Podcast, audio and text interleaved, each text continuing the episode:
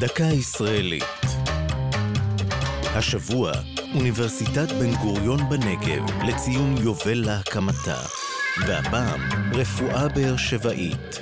תשעה תומכים, שמונה מתנגדים ושלושה נמנעים. זו הייתה התפצלות הקולות של חברי המועצה להשכלה גבוהה בדיון על הקמת הפקולטה לרפואה ולמדעי הבריאות באוניברסיטת בן גוריון בנגב בשנת 1973.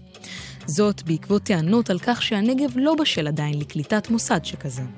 קולו של שר החינוך דאז יגאל אלון הוא שהכריע בעד הקמתו. הפקולטה לרפואה שהוקמה כשנה לאחר מכן, שמה דגש על מצוינות רפואית בשיטת רוח באר שבע, שעל פיה על הרופא לאבחן ולהתחשב בסביבת המטופל ובמשפחתו, ולא רק בבעיה הרפואית.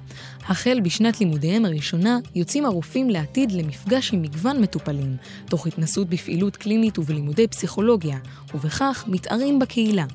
בוגרי הפקולטה משתלבים בתפקידי מפתח ברפואה הישראלית והעולמית.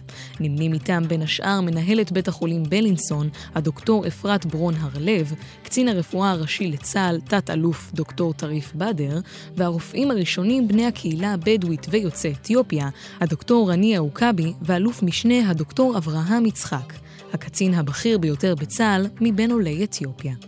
זו הייתה דקה ישראלית על אוניברסיטת בן גוריון ורפואה באר שבעית.